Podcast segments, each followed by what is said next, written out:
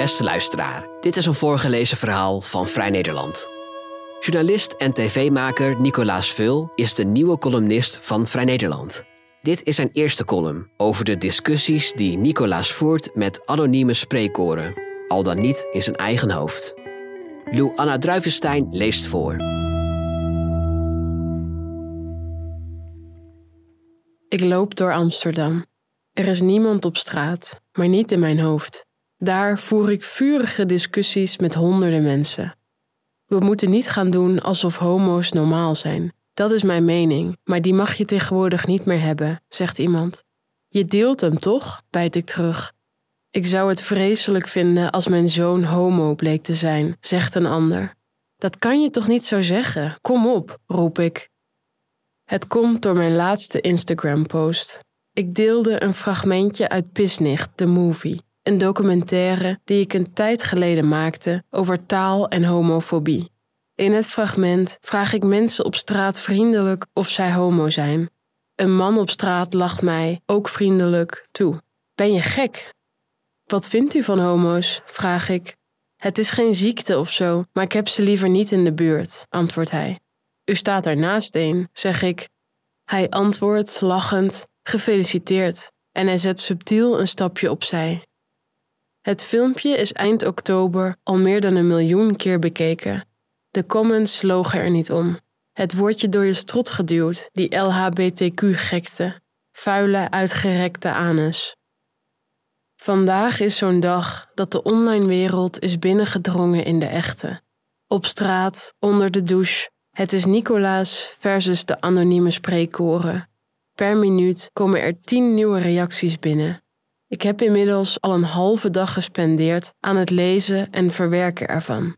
Veel haat en af en toe iemand die discriminatie typt als een schoolmeester die de controle op de klas kwijt is.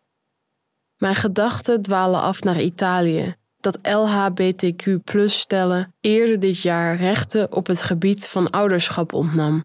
Polen introduceerde LHBTQI-vrije zones. Extreem rechts in Slowakije heeft mede de verkiezingen gewonnen door de LHBTQI-gemeenschap als het zwarte schaap aan te wijzen.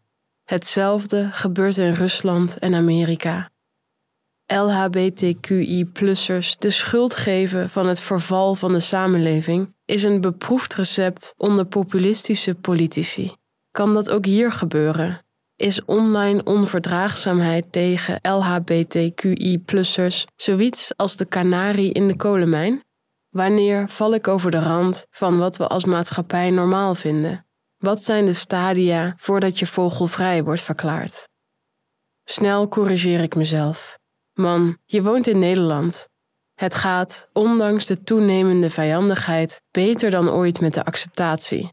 Drama Queen. Dan lees ik al scrollend door X een berichtje van CDA-lid Joba van den Berg.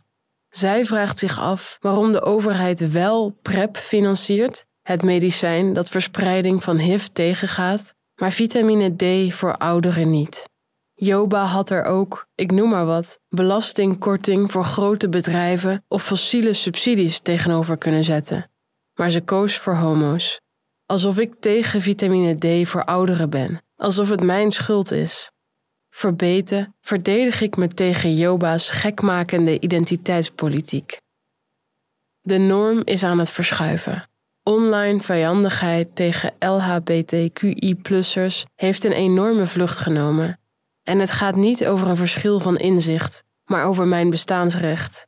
Mijn seksualiteit is een maatschappelijke splijtswam geworden en dan is vijandigheid al snel je verdiende loon. Inmiddels lig ik uitgeput en uitgestreden in bed. De dag verspild met spookconversaties. Ik schakel de comments uit. Nu mijn hoofd nog.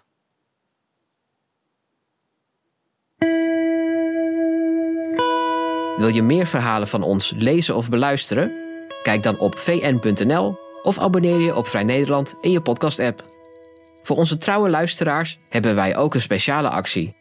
Een half jaar Vrij Nederland online voor maar 15 euro. Kijk voor de aanbieding en de voorwaarden op vn.nl/podcast. Bedankt voor het luisteren.